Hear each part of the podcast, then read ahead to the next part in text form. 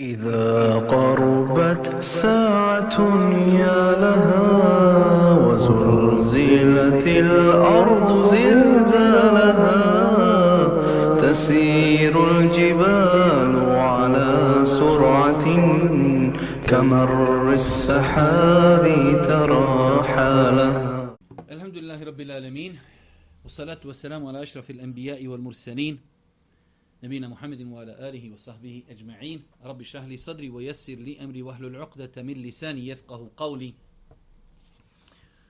Evo nas u još jednom času, još jednom predavanju kojim se družimo sa knjigom Imanski odgoj autora Hakije Kanurića i moram ponovo priznati da sve što više se družimo sa ovom knjigom, sve sam više uvjeren u kvalitet ove knjige.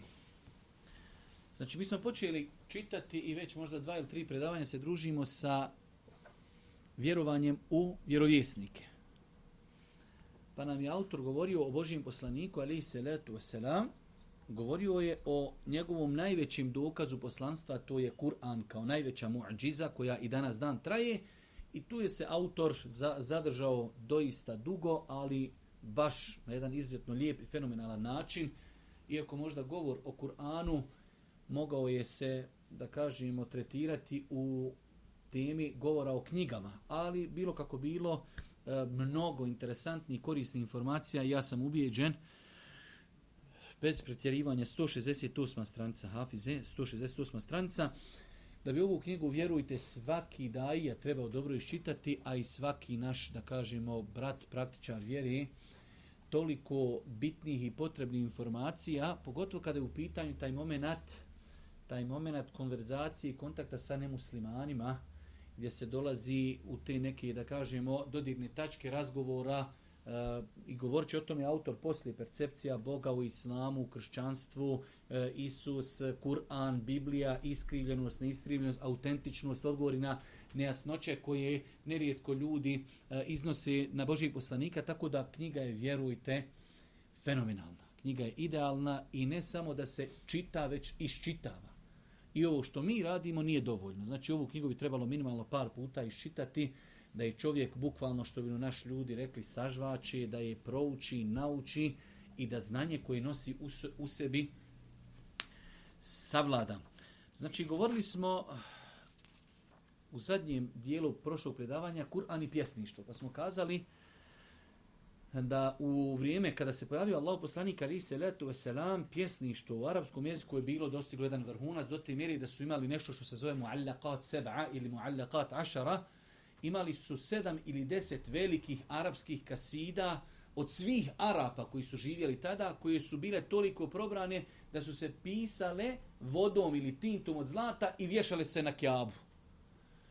To je bio jedan, da kažemo, vrhunac arapskog jezika. I danas dan, kad ljudi čitaju te današnji Arapi, kad čitaju te, znači, njihove kaside, ne razumiju ih. Toliko je to bilo napisano u jednom visokom stilu, da i današnji Arapi ne razumiju. Bez, znači, e, bez riječnika i ne razumiju.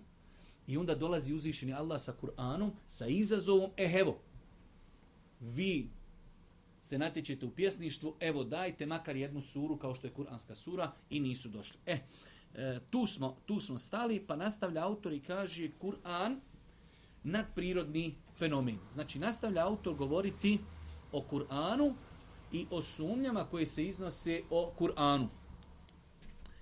Promišljajući o porijeklu Kur'ana, moguće, moguće, su tri, moguće su tri odgovora.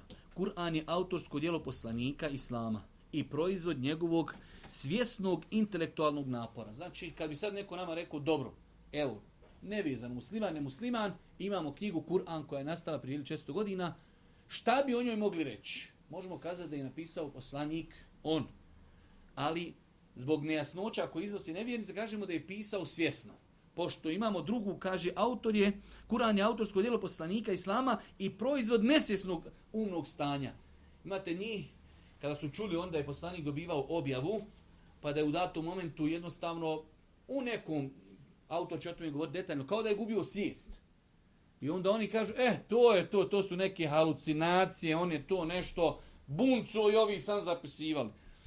Mislim, više nego da kažemo providno, evo ako je buncu, de vi kad ne buncate napišite. Ajde, evo vi sad, vi ne bunce, vi ste budni, lagano i okupite se svi Arapi i ljudi i džini i tehnologiju, evo de vi smislite takav i zakuju.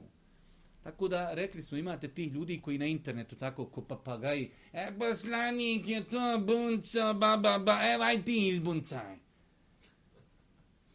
I sazovi i a Arape i ne Arape, i Dunjaluk, i, i džine, i šetan, tehnologiju da vidimo. Pa je, znači, to je druga kao opcija, poslanik je autor, ali u nesvjesnom stanju. I treća opcija, Kur'an je Božja objava koju poslanik Islama vjerno prenio bez ličnog udjela u njoj. Svakako da je ova treća opcija ispravna, ali govorit ćemo o tome. Kaže, musliman je stanovišta da priroda kuranskog testa i ličnost poslanika nužno odbacuju mogućnost da Kur'an bude dijelo poslanika Islama. Musliman je stanovišta i mora u to vjerovati, ali hvala Allahu, ste vidjeli dosta sve što smo govorili, toliko je kristalno jasno. Kad smo govorili kako je Kur'an sakupljen, kako, znači, Arapi u to vrijeme koji su dostigli vrhunac arapskog jezika nisu ni pokušali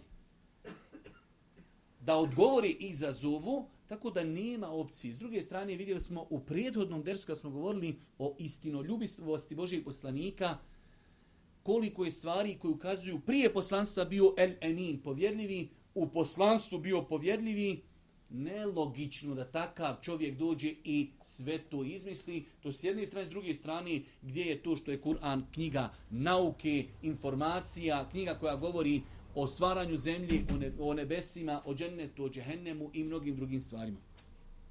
Pa kaže musliman je stanovišta da priroda kuranskog teksta i ličnost poslanika nužno odbacuju mogućnost da Kur'an bude dijelo poslanika. Nemusliman smatra da je Kur'an dijelo poslanika Islama koje je on svojim umom proizveo ili je rezultat njegovog duševnog poremećaja. Oni sad, ha, jedni kao ovako, ali on je to napisao Muhammed alihi salatu wasalam. Na tragu rečeno dolazimo do zaključka da je Allah poslanik ili istinski poslanik ili najveći lažljivac i prevarant. Ili je istinski poslanik, imamo tu knjigu, ili je on istinski poslanik, ili je stvarno najveći prevarant historije koji uspio u 23 godine da glumi, da laže, da ga žene njegove ne prepovi. Vidite, većina ovih današnjih deđala koji se pojave, Ma ljudi njegovi iz njegovog kužika, znamo ba čovjeka prevarant, lik, laže, petlja. Poslanik ali Sela ima žene, ima ashabe, noćni namaz, ljudi. A evo neko petlja, vrat, hajde ustan, ti sad ustaneš noćni namaz i cijelu noć plaćiš. Kono, ide ja plaka, možda će neko ban da me vidi. Pa to ne mere i blisovog i blisa čača skontat da to ustaneš. Idem ja svaku noć klanjat noćni namaz, možda neko bahne da me vidi kako plačim. Pa Allah poslanik ali se letu wasalam imao supruge, e, sluge u ratu, u miru, u neimaštini, u izobilju i da nikad Nikad, vidjeli ste, e, znači, nemuslimani kažu analizom njegove ličnosti, ne smijemo sumnjati on poslanik. Samo njegove ličnosti, ništa, ostavi mu džize, ostavi samo njegova ličnost. Kada je uzmiš, analiziraš, završena stvar. Kaži, ako Kur'an nije objav od Allaha, onda je proizvod notornog lašca koji neumoljivo spletkari svom narod u svim e, prigodama izmišlja ajete i sure i udara temelje novije vjere, kreira novije propise u periodu 23 godine, a cijelo vrijeme to e, cijelo vrijeme to pripisuje uz, uzvišnom Bogu, ne libeći se i bez imalo grižnje savjesti. 23 godine petlja, obja. Pazite, ste vidjeli šta je poslanik Ali se letu sram sa svojima sahabima bio spreman trpiti na tom putu. Tri godine u Meki izolacija. Nakon toga borba, džihad, napadi e, na Božijeg poslanika. Čak je čovjek napisao knjižicu atentati na Božijeg poslanika. Atentati, glad, sve to. I kaže lažljivac. To su samo dunjalučki faktori. Mi znači dovoljno je samo pročitaš jedan rijed iz Kur'ana i kažeš da vi ovako izmislite, ne može završena stvar. Ali mi govorimo o različitim pristupima koji nam potvrđuju znači bez 0,001% sumnje da je Boži poslanik istina. Sve ovo nespojivo je sa neupitnom činjenicom da je poslanik Islama bio iskren i istinoljubiv kroz cijeli svoj život, prije poslanstva i nakon njega. I to su posvjedočili njegovi bližnji i daljnji, prijatelji i neprijatelji, kao što smo već spomenuli. Čovjek koji je u svoj narod pozivao ih i poučavao u periodu 23 godine. Uz njih je i oni su uz njega. Upoznali su njegovu prirodu i čud u svim stanjima. Kada je kod kuće, kada je na putu, kada je raspoložen, kada je ljud, kada je u obilju i raskošu, kada je u oskudici. Nemoguće je da potpuno prikrije stvarnu svoje ličnosti i tako dalje. Znači, autor hoće da kaže, živio je on sa ljudima koji su ga okruživali, supruge, djeca, mir, rat, blagostanje, nemoguća misija da neko 23 godine spreman je, da kažemo, zbog nekog lažnog interesa, da sve to istrpi. Evo ovdje nam na autor navodi ova dva slučaja kada je Boži poslanik rekao Ibnu Mesudu uči. Pa, pa su mu njegove oči zarosile slušajući Kur'an, a drugi onaj poznati hadisu da iši kada je Allah poslanik ustao klanjati noćni namaz, pa je klanjao toliko da mu se brada nakvasila i da je sa bradi kapale su suze da su zemlju nakvasile. Ne možeš, ne možeš, lažno slagati. Evo sada ti neka, evo ti 500 maraka, haj zaplaći. Nemoguća misija. Možeš zaplakat samo ako se bojiš Boga, ako osjetiš slast imana i da toliko plačeš, da nakvasiš bradu suzama i da nakvasiš zemlju svojim suzama. Kaže, nakon toga autor sljedeći poglavlje ili podpoglavlje, bezrezervno naglašavanje ljudske prirode Allahu poslanika.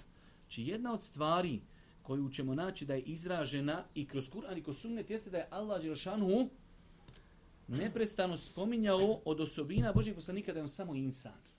I da nema nikakvih božanskih svojstava u jednu ruku. Evo, on je bio poslanik, on je insan i vi ste insani zašto vi onda ne smislite, ne izmislite nešto što je u granicama ljudske moći, iako ćete, vidjet ćete, poslije dolazi po konsenzusu historičara i svi koji imalo znaju poslanik, poslanik nije znao čitati, nije znao pisati. Nije, kad mu prigovori, kao ja sam slušao te onaj prigovore, Kur'an je prepisan iz Biblije. Boži poslanik nikad nije vidio Bibliju. I da je vidio, nije znao čitati. Biblija u to vrijeme nije prevedena na arapski nije znao čitati, nije znao pisati. Na osnovu čega da Boži poslanik govori o prošlosti? Dobro. Na osnovu čega govori o budućnosti? I sve se desi ono što je rekao u budućnosti. Je li Allah te lakše reći, pa to je bio poslanik. Allah mi stotine nepobitnih dokaza. Ali evo, govorimo baš objektivno. Stotine nepobitnih dokaza za insana koji hoće istinu. I zato što vidite, non stop autor nam citira a, citate nemuslimana koji su objektivni. Ljudi, ovo kad skontaš, ovo je čovjek poslanik, možemo s njim slagati ili ne slagati, ali ovo je poslanik. Sve ukazuje, sve ukazuje na tu činjenicu. Ljudi su skloni glorificiranju svojih velikana, njihovom veličanju i uzdizanju. S druge strane, ljudska duša povodi se za laskanjima i pohvalama, tako da kada čovjek postane vješt u nekom ne tako značajnom umjeću, a zna da nije tako vrijedan, pohvali i veličanja E, drugih, obmanu ga i ponesu do te mjere da se njegova percepcija menja i počinje vjerovati da čini nešto korisno i značajno za cijelu naciju. Pazite, ovdje e, autor počinje jedan uvod gdje ljudi doista imamo mi toga sad u jednom segmentu našeg života, ali da vas sad time ne umaram, kad sto ljudi dođe čovjek kaže, e, ti si u pravu, ti si, a čo, lik nije u pravu on sam se ubijedi da je u pravu. To vam se najviše dešava kod političara, kod šefova firmi. Šefe, da šta ti si, svi gdje da je lik levat, ali šuti, ba neka me tu, ko... Na, kako si ti, pa, ja ne mogu da vjerujem, šefe, da vi tako ste, pa, ali lik se sve, ja jedno se uskonta da ne počne se smijat.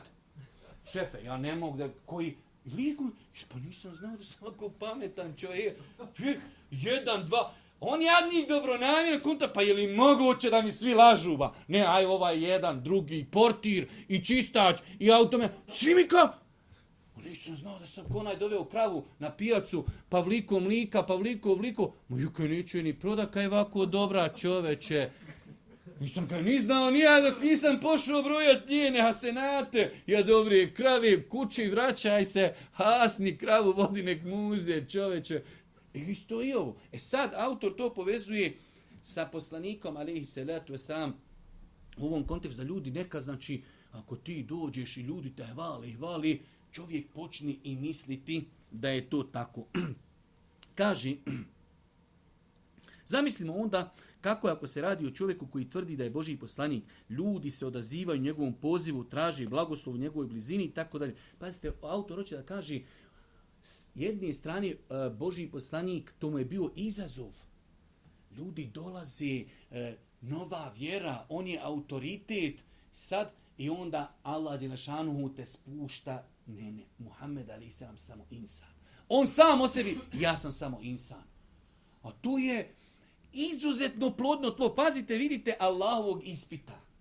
Hadis u Buhari muslimu, kada se sunce pomračilo. Pomračilo se na dan kada je umro sin Božijeg poslanika. Tu je bila ideala, kažeš ljudi, vidite, i sunce i mjesece pomračuju zbog mene i moje porodice. To da si 0,01% prevarant, to kažeš, a je to mi kapnuše sa jedan na, kec na desetku. Poslanik kaže da Hadisu, sunce i mjesece ne pomračuju zbog smrti bilo koga. Mu da to ko vezuje za mu, to se Allah tako dao danas pomračenje, moje dijete umro danas.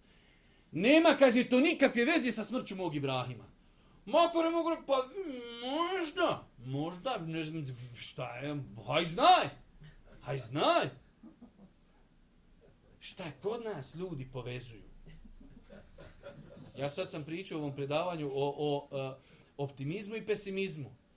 Šta kod nas ljudi povezuju? Znači, ljudi, to ne postoji Einstein koji to može spojiti, ali to kod nas ljudi povežu u svom pesimizmu. Čovjek kaže, došao, kaže, ja smijem izaći iz kuće, pa šta je strah me? I šta je bilo, kad ja sam išao u prodavnicu i vidim, kaže, čovjeka. I rekao, kad je on prešao preko, ja sad kontam, sad ćemo prići preko ceste i kalašnjikovi ruke. Kad je prešao preko ceste i ošao, kaže. Dobro, rekao. A kad ja sam išao u prodavnicu, on opet prešao preko ceste. Pa dobro, rekao, ja. Pa eto, kaže, to. Pa kako je rekao, sad ima veze s tom što izlaziš iz kuće? Pa vidio sam kad je čovjeka prešao preko ceste dva puta. Po čovjek ošao, platio struju, vratio se, Allahu ekver, čovječe, ti imaš dobro pamćenje da se uspio zapamtiti. Ali kao ja se bojim, on tu nešto kao ja sam faca, ja sam lik i sad on mene nešto kao prati, špionira i tako dalje. Šta ljudi uspiju povezati, to je nemoguća misija. Pa kaže, nakon toga pogledajmo u stanje Allahog poslanika, koliko se puta samo u Kur'anu naglašava da je on samo čovjek. Kur'an naglašava, spušta njegovu poziciju, kaže uzvišeni Allah, reci Muhammede, ja ne mogu ni samome sebi nikakvu korist pribaviti, a ni od sebe kako štetu otkloniti. Nema znači da poslanik ima neke e, božanska svojstva. Ne može sebi koristiti, niti od tebe štetu odagnati. Kako ljudi, ne daj Bože, ne bi ga uzdigli na level kojeg ne zaslužuju. Isto tako, Boži poslanik Ali Salam, kada jedne prilike ovdje autor navodi tu predaju, kad su one dvije djevojčice pjevale o njemu i pjevale o pobjedi na Bedru, pa kažu, među nama je poslanik koji zna šta će se u budućnosti, de, šta će se sutra desiti. Dobro, to ono, ako hoćeš prešutiš i sad ovi koji slušaju, dobro je. Ne, on reaguje kad nije tačno, nemojte to više pjevati. Ja ne znam šta će se sutra desiti. Negira od sebe da zna budućnost. Ja ne znam, i onda ti dođu ovi naši, naši ninja kornjače, turabljeve, i on ti pročuje sudbinu, zna ovo, zna on deće se ovo, deće se horoskop, vako, zmajevi, letaju, lavovi, vodolije i ostalo. Poslanik, ali se ja ne znam šta će sutra desiti. Nemojte to, kaže, pjevati. Pjevajte ono, kaže, što malo prije pjevali. U drugom hadisu kaže, ne uzdište me kao što su kršćani uzdizali sina Mirjamina, ja sam samo Allahov rob. I recite kao za mene Allahu robi Allahu poslanik. Nemojte me, kaže, previše hvalit. Preko mjera koje zaslužuje jedan, hajde da kažemo, insan. I evo, ova predaja iz Buhari i muslima, poslanikov sin Ibrahim umro je kao dijete i to je poslanika jako rastužilo. Desilo se da se upravo na dan njegove smrti pomračilo sunce. A svijet je počeo govoriti, sunce se pomračilo zbog smrti Ibrahima. Ovo je znači sad ono baš kokec na desetku. Kaže Allah poslanik ali se letu selam sunce i mjesec su samo dva Allahova znaka, ne pomračuju se zbog nečije smrti ili nečijeg života. To nema nikakve veze. To se desilo, hajde da kažemo, eto, po našim ono slučajno, jednostavno nema nikakve veze. Koliko je mogao da u datom momentu prešuti određene stvari koje bi mu, daj ne daj Bože, bio takav, koji, bi- koji bi ga uzdigle na neki poseban level, ali ne. Zato što je iskren. Čak iskren, jedan od razloga zašto kažu učenjaci koji ukazuju na istinitosti Kur'ana, istinitost poslanika, da je prenosio objavu koja je njega kritikovala. Allah ga ukori abese wa tawalla an jahul a'ma i drugi ajeti kore poslanika i oni objavi zove pisarove piši ovako objavljeno mene Allah kritikuje Gdje to ima knjiga i sad autor piše knjigu i kaže, e, sada ja sebe malo pokritikujem. I ko on sebe kritikuje? A pa ne, tak, takva knjiga nije izišla još nikad u životu. Svaki autor želi da sebe prikaže u nekom nepogrešivom svjetlu. Poslanik ali se letu se nam kaže, piši tabe se o. Allah ga ukorio kako je se ponašao i na drugim, drugim kuranskim ajetima. E sad, subhanallah, kako, kako ilm je, ilm je, ilm je čudo. Ilm je čudo. Allah, ja danas kad sam čitao ovaj podatak, te šta, do čega su došli ljudi? Ja znam za podatak da je stilistika Kur'ana i stilistika Božijeg poslanika u govoru različita. To, to, je, to je nešto. Ali pogledaj šta su ljudi uradili.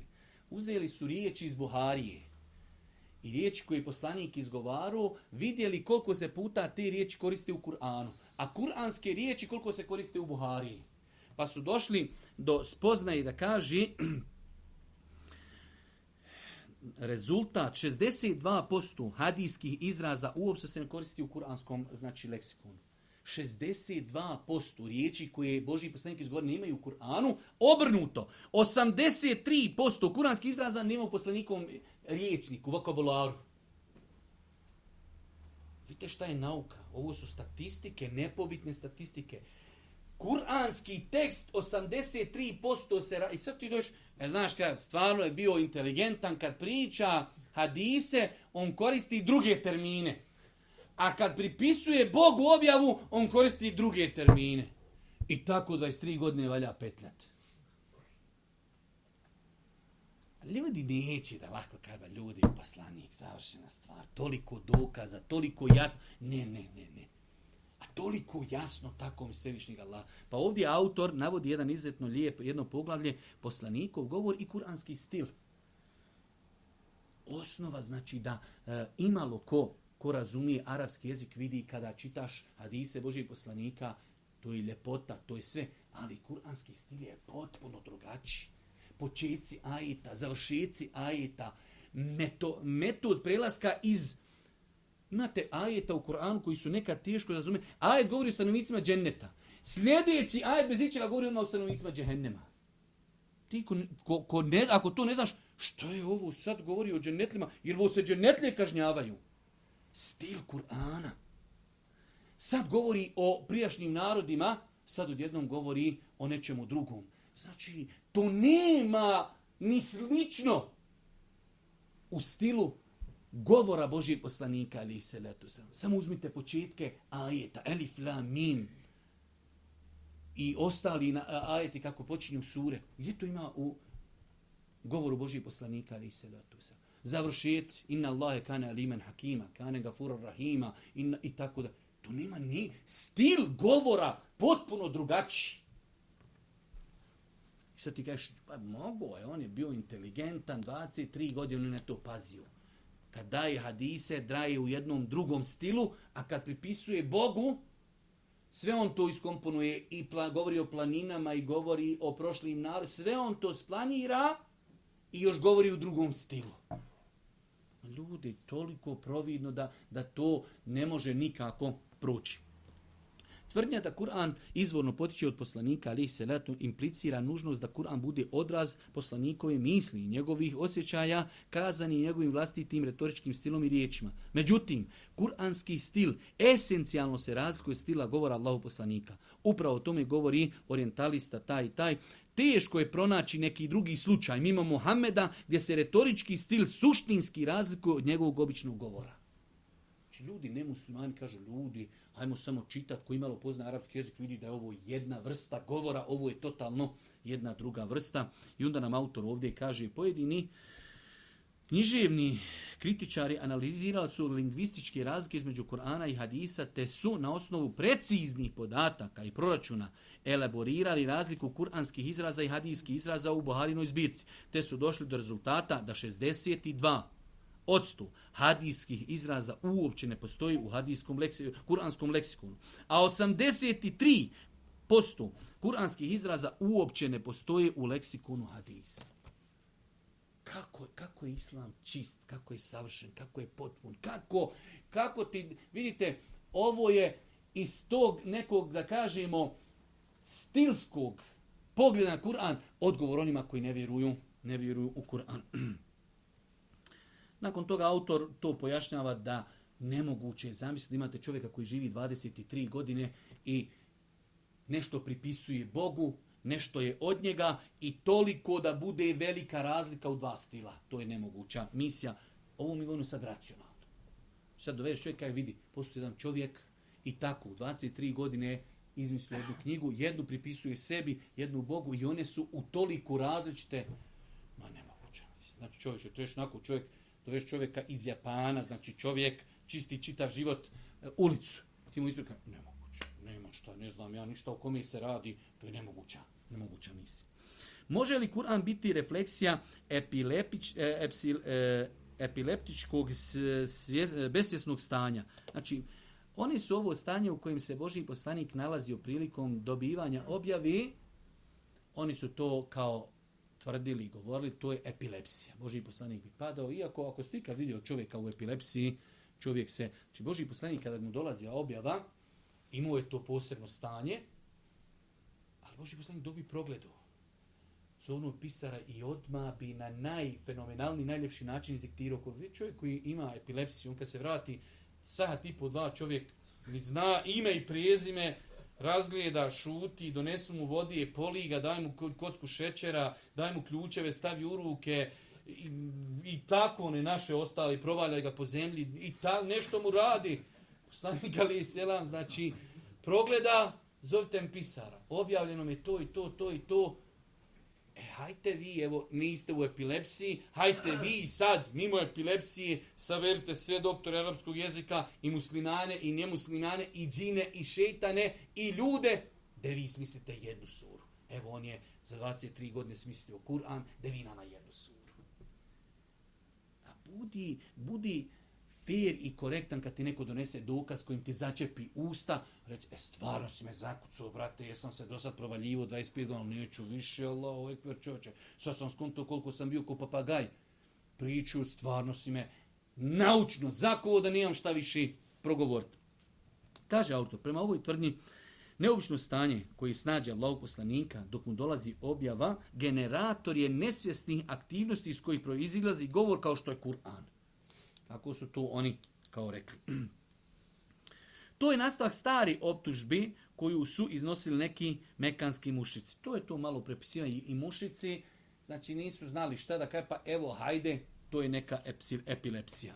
Kaži, jedini argument ove optužbe jeste neobično stanje u kojem se poslanik nalazio neposredno prije nego što bi obznanio novi kuranske ajete. Međutim, poslanik nakon tog stanja došao bi E, s predivnim govorom, prepunim mudrosti i vrhunske retorike, tako da se njegovo stanje nikako ne može identificirati sa stanjem epilepsije. Bunila i gubljenja svijesti koje prati tjelesnu istrpljenost i umna, e, umni poremećaj. I evo sad opet navodi e, govor orientalista, ljudi, nemuslimana. Protivnici islama često tvrde da je Mohamed bolovao od epilepsije i zbog toga njegova vjerska misija nije uh, E, njegova vjerska misija nema e, kredibilnost. Međutim, simptomi kojima se opisuje stanje poslanika islama ne podudaraju se sa simptomima epilepsije, jer ta bolest rezultira tjelesnim i umnim poremećajem dok Muhammed e, dok je Muhammed potpuno vladao svojim talentima sve do svoje smrti. Znači, ljudi objektivno, kako to nema apsolutno nikakve vezi. I e, kaže sad autor stanje u kojima se poslanik nalazio kad mu dolazila objava, opisano je na sljedeći načine. čuo bi zvuk poput zujanja pčeli. Pčela. U njemu bi se vidjele kaplica znoja u hladnom danu. Znači, Boži poslanik kada mu dolazila objava, čuo bi zujanje, e, toliko je, zato Allah Žešanu kaže, inna se nulqi alike kaulen thaqila, mi ćemo ti objaviti težak govor. Zato, eh, kad bi Boži poslanik bio na devi, znate koliko deva može nositi? Kad bi počeo dobivati objavu na devi, deva bi, deva kleknula. A ljudi koji su znali biti za vrijeme, znači objave kod Božih poslanika, kako se na nekog nageo, to je bio neopisiv teret. Dolazak objavi Božijem poslaniku je bio izuzetno napuran. Pa je bio popraćen zujanjem, kao zujanje pčela. Na njemu bi se vidjele kaplice znoja u hladnom danu. Znači, hladan dan njega probija znoj od težine govora koji mu dolazi i kaže njegovo bi tijelo otežalo tako da bi onaj na koga bi bio naslonjen osjetio velik pritisak, a kada bi jahao devu, ona bi kleknula. Od težine govora uzvišenog Allaha prilikom objave i to su ti momenti koji apsolutno nemaju nikakve veze sa epilepsijom, koji jednom vidio epilepsiju zna da to ne odgovara ovome što je spomenuto. Kaže, iz ovog opisa možemo shvatiti da se radi o neobičnom, nadprirodnom događaju koji se ustaljenim zakonitostima u prirodi ne može objasniti. To se može reći, ovo je objava, tako je Allah Đelšanu odredio, tako objava dolazi Božijem poslaniku, to se ne može pojasniti. A to povezivati sa epilepsijom je više nego epilepsija. Nakon toga, nagovještaj događaja u budućnosti. Znači, jedna od stvari koja ukazuje na istinitost Kur'ana jeste da Kur'an govori o budućnosti. Čak šta viši? Allahan. Kako je Kur'an savršen potpun? Kako je Allahova mudrost velika? Allah je na početku već u Meki objavio tebe tjeba, tebe tjeda Ebi Leheb. Neka je propao Ebu Leheb i do kraja da će biti u džehennemu. Ebu Leheb da je imalo bio pametan, rekao, eh, evo brate, ja hoću primiti islam, vi mene već u džehennem strpali. Ne, već je umro na onome što je za njega Kur'an rekao. Vjerujte samo ako hoćete malo da o tom i razmislite, znači on je imao 23 godine da primi islam. Da pobije istinu, makar komunafici, samo nakon da gledaj, la ila ila Muhammed Resulullah, evo ovaj vaš ajet, da ću ja u džehennem i ja sam evo musliman. On nije imao te hrabrosti. Zašto? Jer je Allahov govor istina. Allah je znao da neće, da neće primiti islam.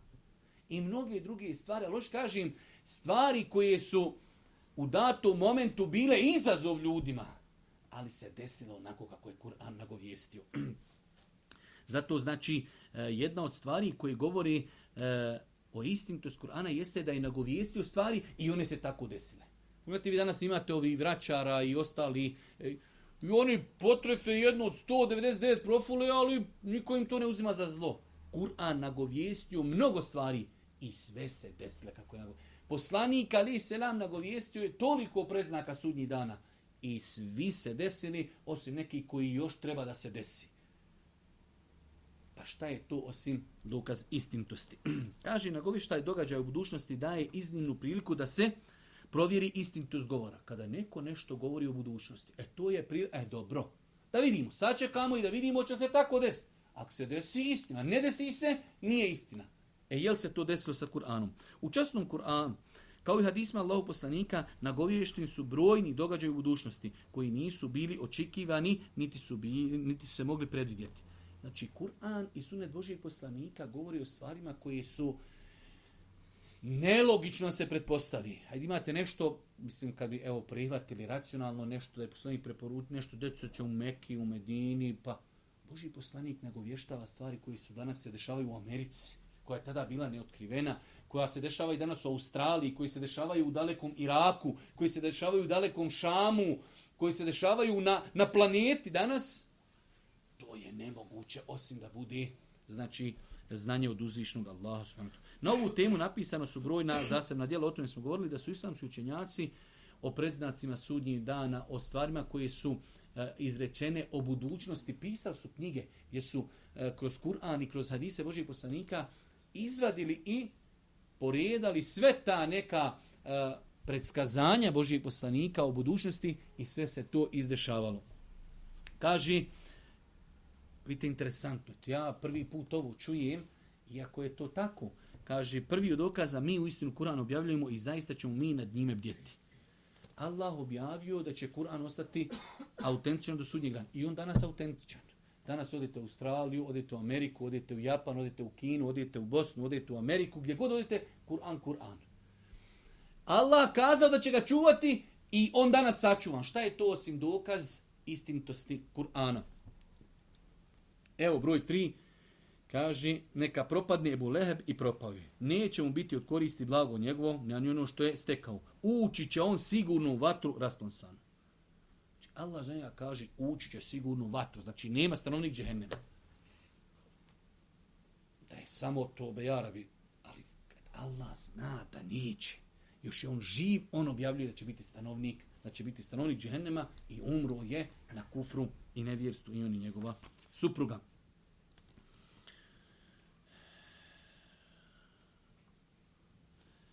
Ima dosta ovih nekih primjera, pa sve onaj, vidite, čak, subhanallah, broj šest, Allah Žešanhu u suri Nahl 7. ajet kaže i konje, i mazge, i magarce da ih jašete i kao ukras.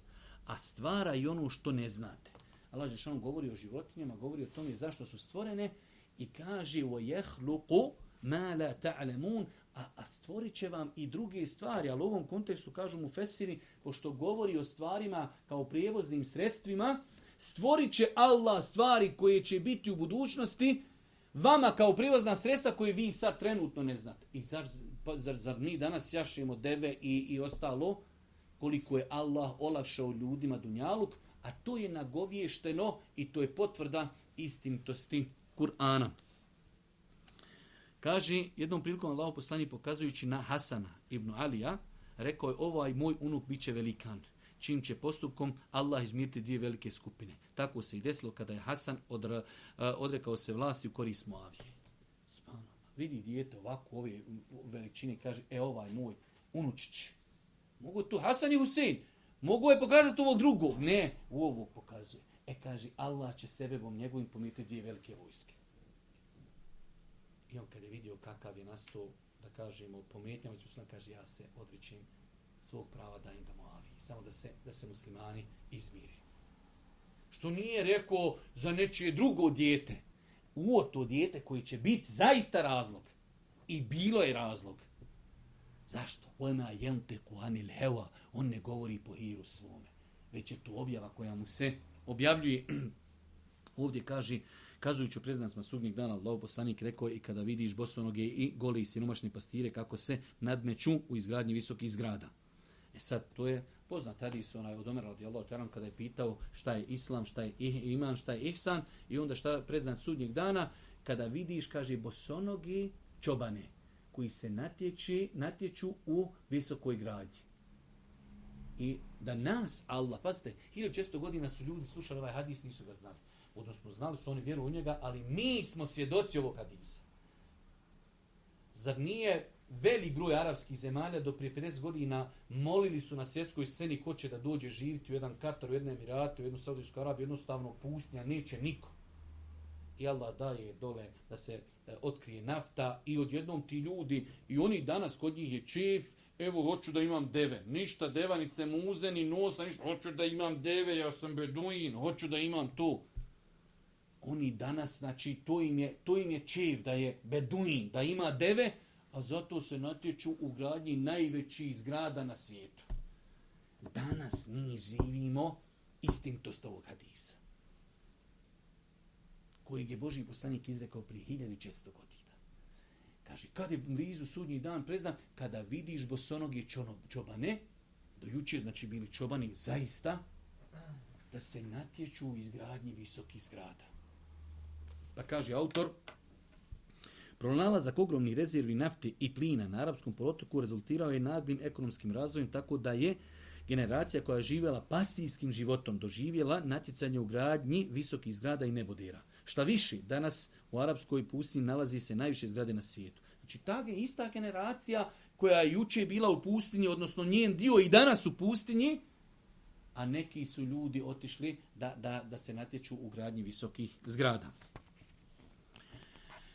E sad, Kao što je istintost Kur'ana potvrđena što je govorio o budućnosti, isto tako govoriti o prošlosti, o stvarima o kojima niko drugi nije govorio i nije znao i to je potvrda istintosti. Čak, vjerujte, kad uzmijete tamo kazivanja o Musau, alihi salatu sram, pošto je jedno od najdetaljnijih kazivanja u Kur'anu, dešavanje o Musau. Kad pogledate dešava, kazivanje o Jusufu, alihi salatu wasalam, to su toliko precizno stvari spominute. Sitnice, sitnice koje go spominje čašu, spominje debe, spominje, znači to su brojevi sitnice, nemoguća misija da se to može znati osim objavom od uzvišnog Allaha. Pa kaže, uh, uzvišnji Allah u Kur'anu kaže, ovaj Kur'an nije izmišljen od Allaha je. On potvrđuje istinitost prijašnjih objava i objašnjava propise. U njega nema sumnje od gospodara svjetove. Najznačajnija metoda potvrde božanskog porijekla historijski predaja o vjerovjesnicima i njihovim narodima spomenutim u časnom Kur'anu bazira se na nepostojanju drugih izvora iz kojih bi se takve vijesti mogle znati za vrijeme života Allahog poslanika. Takve informacije u vrijeme Božih poslanika nemoguće je bilo znati osim putem objave da Allah Đelešanu govori o prošloj, o o Ademu alaihisselam. Hajde evo da kažemo, govori se o Isusu. Isus je najbliži poslanik Muhammedu alaihisselam. Da kažemo, eto, ne, ne, ponekako je nešto moglo biti s koljena na koljeno prepričano, ali nemoguća misija. Ali, ali govori se o Ademu, o Nuhu, o potopu, o početku čovečanstva. I to, pazite, razgovor Nuha alaihisselam s njegovim sinom. Irkeb nana, ukrcaj se s nama, neću idem da se... Znači, to su tolike sitnice. U Ademu, ali se ratu sam kako je izišao iz dženneta, kako je stvoren, kako je melecima naređemo da mu urade seždu. To mi ništa ne bi znali da to nije spomenuto u Koranu. I nemoguće znati, jer je to prošlost koja je za nas samo svevišnja. Allah zna koliko hiljada godina. Ali nam je Allah o tome govorio.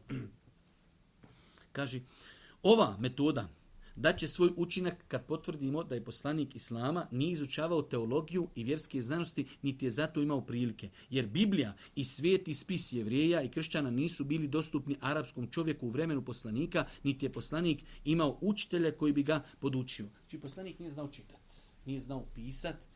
U to vrijeme, poslije će govoriti autor o posebnom pogledu, u to vrijeme, znači da bi to znanje imao, morao si znati nekoliko različitih jezika, Biblija u to vrijeme još nije bila prevedena na arapski, nije imao nikakvog učitelja, čuvao ovce, znači Boži poslanik pastir, dolazi mu objava. Nije išao negdje na studije, nije išao po svijetu da je imao priliku da se sretni sa ljudima, da godinama analizira, do... ništa. Nemoguća misija, osim da je to govor uzvišnog Allaha subhanahu ta'ala. Kur'an časni često kazuje o događajima koji su se zbili davno prije vremena u kojem je Kur'an objavljen, a pri tome se navode precizni detalji koji se mogu znati samo putem prenesene vijesti. Oni koji ne vjeruju u istinitost Muhammeda, poslan, eh, Muhammedova poslanstva tvrde da je poslanik Islama plagirao biblijske priče i preuzeo ih od e, sedbenika knjige Jevrija i Kršćana. S druge strane, vjernici dobro znaju da je Muhammed samo prenosio objavu, Boži govor kojim je dostavljen E, po, e, povjerenik objave Džibril. A vidite, opet kako je Allahova mudrost u svemu tome, spominju se u Kur'anu stvari koje su spomenute u Bibliji, da bi se u jednu ruku potvrdilo da, da je izvor vjeri isti za sve poslanike. Da u osnovi stvari, one koje nisu izmijenjene u Bibliji i u e, Tevratu i u Zeburu, u osnovi da su od istog gospodara, informacija je ista, ali vremenom vidjeli ste prošli put kad smo govorili o iskrivljenjima prijedhodnih knjiga, da znači mnoge stvari su iskrivljene i zato dođu nama kršćan kaže pa ima dosta stvari koje pišu u Bibliji, pišu one u Kur'anu. Da, apsolutno. Ali hajde da pogledamo njihovu, njihovu detaljnost, njihovu opširnost, njihovu količinu u odnosu na, na, na ono što je kod vas spomenuto. S druge strane, koliko je stvari koji su u Koranu spomenute, koji nisu totalno nigdje drugo spomenute. Pa je to opet s naučnog aspekta dokaz istintosti Korana. S druge strane, znate koliko imate hadisa, dolazi najučeniji židovi i kršćani Božijem poslaniku i kažu, mi u svojim knjigama nalazimo nešto, de nam ti odgovori. Pet pitanja, pet odgovora. Mi imamo neko znanje, de nam reci odgovor. De nam reci odgovor. Znate koliko je takvih hadisa gdje su e, rabini dolazili, gdje su dolazili kršćani, gdje su dolazili židovi, pitaju poslanika, ali sam koji je stvari nemoguće. I zato dio njih je, kad to čuje, kaže, ovo ne može znati niko si poslanik. La ilaha illa Muhammed Rasul. Drugi ka, vraćaj se, nećemo privati istinu. Ali je bilo ljudi koji su na osnovu takvih momenata gdje znaju da takvu informaciju može imati samo poslanik, kad to čuju privatali, su bili iskreni. Pa kaže stanovnici Mekke, a kasnije i jevriji i kršćani često su poslaniku postavljali pitanja o prijašnjim poslanicima i njihovim narodima, što je bio e, i te kako težak ispit za poslanika, kao arapskog neukog čovjeka. Pitali su o Musau i Eh, Hidru, o Jusufu i njegovoj braći, mladićima u pećini, Lukmanu i njegovom sinu. Pitali su to mi eh, kako je počelo stvaranje svijeta i prvog čovjeka, onome što se nalazi u Tevratu, Inđilu, Zeburu, Ibrahimovim listovima i Musaovim poslanik, ali i selam dolazi u poslaniku, dolazila bi objava i on bi odgovarao na pitanja koja su mu postavljena. Različita pitanja, čak znate da imaju pitanje kako je nastao čovjek, zašto bude dijete muško, zašto bude žensko. Mene sad živo da je s prvom stoljećem neka je što žensko bude djete, što bude muško. Što ja znam, nisam studirao medicinu. Poslanik prije 1600 godina kaže što bude muško, što bude žensko. E zato bude muško, zato bude žensko. Na sve odgovaru, odgovaru nakon što dobije objavu od uzvišnog Allah subhanahu wa ta'ala. Kaži, E, od ovih stvari vezani znači e, za prošlost, Kur'an, potvrđujući ranije objave, čak navodi citat iz svijetog pisma. Subhanallah, ovu, ovu informaciju doista danas prvi put čujem i tako me fascinirala. Da u Kur'anu imate citate koji su iz Zebura. Čak dio mu fesira, jedan taberi je bio otac mu fesira. Znači, on te ajete, zato što mu nije bio dostupan e, Zebur, kaže ovaj tefsir ajeta, ovo se vjerovatno odnosi na neku knjigu drugu koja je Davudu objavljena. Danas mi kad imamo dostupan Zebur, nađemo taj ajet kojeg Allah u Kur'anu spominje da je objavljen u Zeburu. Znači imamo ajete u Kur'anu, kaže se, a mi smo u Zeburu objavili to i to. Danas Zebur otvoriš i nađeš taj ajet. Kaže, rekao Muhammed a.s. u epilepsiji sva familija ti je 18 koljena u epilepsiji. Kaže, Kur'an potvrđuje ranije objave. Čak navodi citat iz svetog pisma.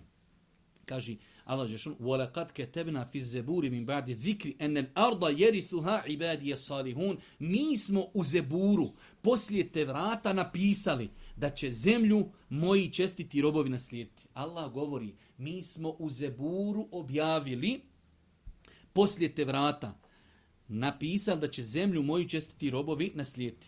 E sad autor to uh, analiza kaže Zebur je jedna od četiri veli, velika kitaba Božije knjige u koje vjeruju muslimani.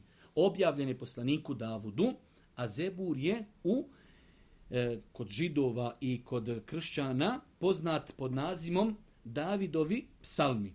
Uvršten je u Bibliju spomenuti stih u istinu se nalazi u starom zavjetu u poglavlju, psalmi u, poglav, u prijevodu glasi zemlju će posjedovati pravednici i živjeće na njoj do vijeka. Znači, u riječ identičan aj koji je uzvišnji Allah spomenuo da ima takav ajet u Zeburu. I onda autor ovdje navodi da E, u početku, znači, dok još naša ulema islamska nije pristup imala, izvorima kršćanstva, oni su u početku ovaj ajet tumačili, ne znamo mi na što se odnosi. Dok nije došlo vrijeme, kao što mi sad svjedočimo izgradnji tih nebodira veliki, pa možemo kazati, e, evo sad je se to obistinilo, oni u početku dok nisu imali pristup Zeburu, nisu znali na što se ovo odnosi. Dok nije došla ulema imala pristup, evo to je taj ajet koji Allah spominje u Kur'anu, u Kur'anu nam spominje da on u Zeburu ima i danas dan ima. Kaže, Kur'an je prisilio Mekelije da priznaju da vijesti koji, e, koji im poslanik Ali sam dosio nisu bije dio... Dobro, to ćemo opet preskočiti. I posljednja stvar, ako Bog da za večeras, e, poslanik Islama nije znao čitati i pisati. Znači, u kontekstu ovog govora o Kur'anu, dokaza njegove istintosti. Pogledajte kako autor pristupa s različitih, eh, da kažemo, aspekata. Govori da Kur'an govori o budućnosti. Govorili smo o, o, o lingvističkom tom pristupu Kur'ana. Eh, govori o prošlosti, govori o budućnosti. Razlika u stilu i na kraju sve to potvrđuje historijskim činjenicama da Božiji poslanik nije znao ni čitati ni pisati. Zato Allah Đeršanu kaže on u Kur'anu وما كنت تتلو من قبله من كتاب ولا تخطه بيمينك إذا لارتاب المبتلون ovaj ajet zadnji kaže kako ne bi posumnjali ti nisi kaže nikada ni čitao ni pisao jer doista pogledajte koliko na Muhammed ali selam napadaju čovjek bio nepismen i tvrde da je znao astronomiju, da je znao nauku o rijekama, o planinama, o kosmosu, o prošlosti. To je stvarno fenomen. Allah ga učinio iz svoje mudrosti da nikad u životu ne zna ni čitati ni pisat, kako bi bio dokaz protiv takvih. Šta mislite da je znao čitati i pisat? Pa on, pa on je imao tada kompjuter, samo ga nije tio nikom pokazat. Sakrio ga gore u hiri, sad otiđi gore ima jedna štek doza, on je to tu punio punjače. Već pogledaj šta su likovi spremni. Li, poslanik Ali se sam ne zna čitati, ne zna pisati. Ali kaj mogu napisati Kur'an? U Kur'anu ima nauka o kosmosu, nauka o zemlji, o čovjeku, o planinama, o rijekama, o medicini. Sve on to mogu. A nije znao, sallallahu alaihi sallam, čitati i pisati. Što misliš da je znao čitati i pisati? Oni bi rekli, ba to, ma ništa. Ču, s jedne strane, u epilepsiji pisu. Kad se, zato sam rekao više puta, jedan od najvećih uzročnika nevjerstva je šta? Oholost. Doneseš čovjeku dokaz, kada vidi, brate, ovo je, ovo je jasnije nego sunce u podan, vi sunca, vidi mjeseca, vidi. E tako ovi dokazi su Allaha mi ko sunce jasni. I kada neće čovjek prihvatiti, šta je on? Inat, kibur, oholost, I onda kaže, a šej, gdje je ta lava, Milo, što će nevjernici biti vječno u džahennemu? E zato što je bio on. Zato što nije ti u istinu da prihvati. Doneseš mu istinu koja je jasna ko sunce. Neću. E, hoćeš u džahennem. I Allah kaže, i kada bi se vratili, oni bi opet takvi bili. Kada bi sto puta proživio i sto puta, neće. E, hoćeš ukazati. Zato što nisi svoje grudi očistio, zato što nisi objektivan, zato što nisi prihvatit. Allah mi ovo što mi čitamo, to, brate, da dovedeš čovjeka dole iz Tanzanije, onaj što čitav život ganja gorila i doneseš ga i prevodiš ga, vidi, brate, Moj, brate, sto posto vjerujem Allahu, ekberđe neću vjerovat. A ti imaš tamo Japanca koji izmislio sto neki iPhone-a i laptopa, ali on kaj, nije tačno. Šta je? Oholost oholus, ništa drugo. Pa kaže, u opisu poslanika Muhammeda, svevišnji Allah kaže, ti prije ni jednu knjigu nisi čitao, a nisi je ni desnom rukom svojom pisao. Inače, posumnjali bi oni što laži govori. A inače, zašto? Da si čitao, da si pisao, posumnjali bi. Ali ovako nemoguće posumnjati. Dobio objavu iz ove. Zovite mi Moaviju, zovite mi Aliju, zovite mi Ebu Bekra, da zapišu ovo imao svoje pisare, objavi, jer on, sallallahu alaihi wasallame, nije znao pisati. Rekli smo da to nije nikakva mahana kod čovjeka da ne zna čitati i pisati. A pogotovo u ovakvoj situaciji gdje je to e, Allah Đelšanu odredio na takav način da bude dokaz protiv nevjernika. A i u današnje vrijeme, možete čovjeka nađe i on se i danas dan potpisuje s prstom, a pametniji od po Bosne, oni što imaju diplome magistara i doktora.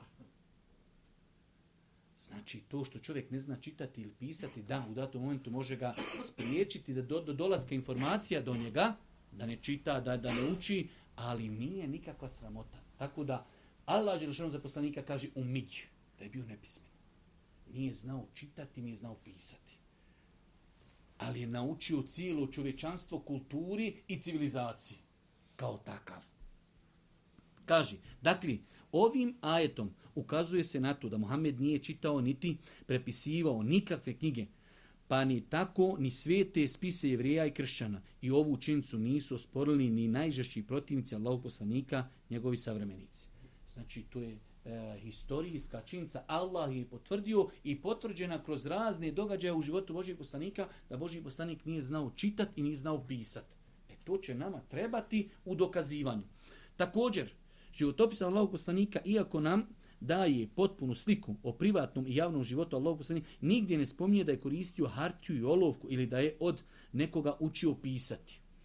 Vidite sad, u to vrijeme, čak znate da je bilo, uh, ako se dobro sjećam, kada je bila bitka na Bedru, čovjek hoće da ga oslobodi, zarobili ga. Kada je podučio nam troje djece pisati, oslobodit ćemo te. Tada, znat pisati, čitati, to ti je bilo, ko danas doneseš diplomu doktora, kada ja doktoriru. Tada ljudi koji su znali samo čitati, to je bilo, šta će autor da kaže? Da je poslanik znao čitati, pisati, to se znalo. Znači, Meka ima pet ljudi znaju čitati, to zna, treba nešto, zovi, on jedini zna. Kad neko zna čita, i sad, kad mi imamo doktora nekog, pa svi znaju doktor, doktor Safet Kuzor, nemaš ti, imaš samo jednog doktora Safeta Kuzor, nema i stotinu. Tako da je poslanik znao u to vrijeme čitati, pisati, to bi, prvo rekli smo, prošli put nije se bavio pjesništvom nije se bavio pjesništvom, nije znao čitati, nije znao pisati. Da je znao čitati, pisati. Allah Žešan prvo kaj nisi. Ali s druge strane, historija potvrđuje, nigdje nema da je neko za njega ustvrdio da je znao čitati i pisati. I to je bila stvar kojom su se ljudi ponosili. Zna čitati, zna pisati, da je takav bio Boži poslanik, znalo bi se gdje je učio, kad je, znalo se da je kao dijete bio na selu, da je čuvao ovo, da je radio ovo, da je, da je, da je da je imao učitelja koji ga učio pisati, znalo bi se tu u njegovoj biografiji. U vezi s tim orientalistica Karen rekla je ne postoji nikakva naznaka u prvobitnim izvorima da je Muhammed znao čitati i pisati. Muhammed je diktirao svoj govor drugima, poput Alije, kada bi tio postati pismo. To bi zaista bila velika obmana kada bi Muhammed uspio kroz cijeli svoj život sakriti umijeće čitanja i pisanja. Pored toga što takvo nešto nije uobičajeno, očigledno da bi bilo vrlo teško sakriti tu obmanu kada se uzme u obzir e, velika bliskost između Muhameda i njegovog naroda. Objektivni ljudi kažu njemu da on znao čitati i pisati, ne mogu čitav život zoveš, gde napiši, gde pošalji pismo, niko u tvojoj poroci ne zna da ti znaš čitati i pisati. Ljudi objektivno gledali i objektivno dolazili do istine. Čak i da je Allah posle. Sad evo vidite, to što, ko što nama kaže Šešan Kiti, najjači odgovor je čovjek kad mu kažeš vidi. To što si rekao nije tačno. To što si rekao je tačno. I po obje verzije ja ti odgovorim. Znači, srušiš ga i stojeći i ležeći. Prvo kaže, to što si rekao nije tačno. 1, 2, 3, 4, 5. To što si rekao, evo da je tačno. 1, 2, 3, 4, 5 i po verziji tačno i po verziji netačno ne daš mu da digne. Evo sad autor, prva verzija nije tačno da je poslanik znao čitati. I to nikad niko tvrdio nije. A s druge strane, čak i da je Allah poslanik umio čitati i pisati, to nikako ne bi značilo da je mogao plagirati Bibliju. Jer kuranska, kuranska kazivanja i način kako se prezentira zahtijevao bi ekspertno poznavanje svetih spisa, jevrija i kršćana i njihovo tele, njihove teološke doktrine. Usto, morao bi poznavati hebrejski, arbinski, grčki. Morao bi posjedovati bogatu biblioteku i tako dalje. Znači, morao bi poznati tri, četiri jezika. Morao bi imati veliku biblioteku. Morao bi prisustovati, izučavati. Poslanik Ali sam do 40. godine živio nekim prosječnim životom, čuvao ljudima stoku, znači ništa nešto posebno i odjednom zna kršćanstvo, zna prošlo, zna budućno, zna kosmos. Ljudi, govorimo racionalno. Govorimo racionalno da je to nemo. Mi, hvala Bogu nama, mi muslimani od Metefa naučimo, vjerujemo u Božijeg poslanika, vjerujemo u Kur'an, vjerujemo i završena stvar. Ali govorimo ovom narodu racionalno. Ili moguće čovjek u Mekiji Kažeš, pa vidi, on je odrastao u Perziji na nekom, na nekom velikom dvoru, imali su oni u to vrijeme neke biblioteke, dolazili su mu ljupa, 0,001%. Živ tu Meki. Do 40. godine, znači ono što je zabilježio možda jednom ili dva puta, je Boži poslanik negdje izišao iz Meke sa svojim uh, amidžom ili djedom u trgovinu čitav život u Mekiji, E, u to vrijeme arapski poluotok nazadan, nazadan, znači kada je u pitanju civilizacija totalno, većina, apsolutna većina ljudi ne zna čitati, ne znaju pisati, nemaju nikakav kontakt sa civilizacijama i ustvrditi da je u to vrijeme Boži poslanik kao neko ko se ne bavi pjesništvom, neko ko ne zna čitati, neko ko ne zna pisati, nima u kontakt nikakav sa Biblijom, niti sa učenim ljudima, da može izmisliti. Opet ukajemo, evo, hajde, on izmislio, pa da i vi izmislite. Eto on bunco, da vi izvucajte. Neće ljudi da private istinu. Možemo donijeti 150 dokaza. Pa kaže, međutim, istorija nam kazuje da u to vrijeme nije bilo e, nije bio poznat jevrijski ili kršćanski učenjak koji je detaljno poznavao svu tu temu, a kamoli neku u arapskoj pustinji. Kršćani nisu imali nekog da je poznavao u to vrijeme te jezike i te spise, a kamo li Muhammed Ali Salatu Salam koji se nije u to vrijeme prije poslanstva deklariso e, znači ni kao židov, ni kao kršćanin, što, što ga čini još udaljenim od tih, od tih religija.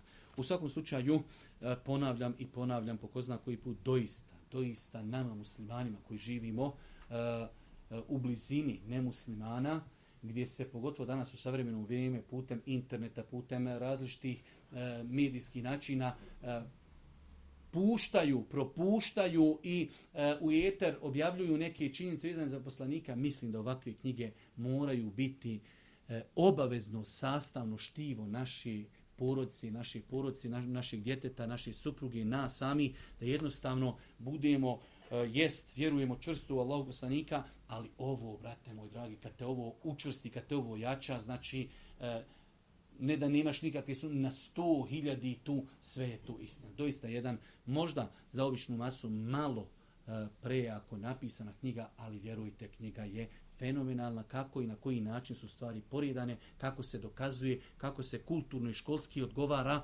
nejasnoće, znači koje iznose ljudi o islamu, o Kur'anu, o poslaniku, ovo je nešto što je našem podneblju više nego potrebno, tako da Allaha molim da našeg autora obilato nagradi za ovo djelo.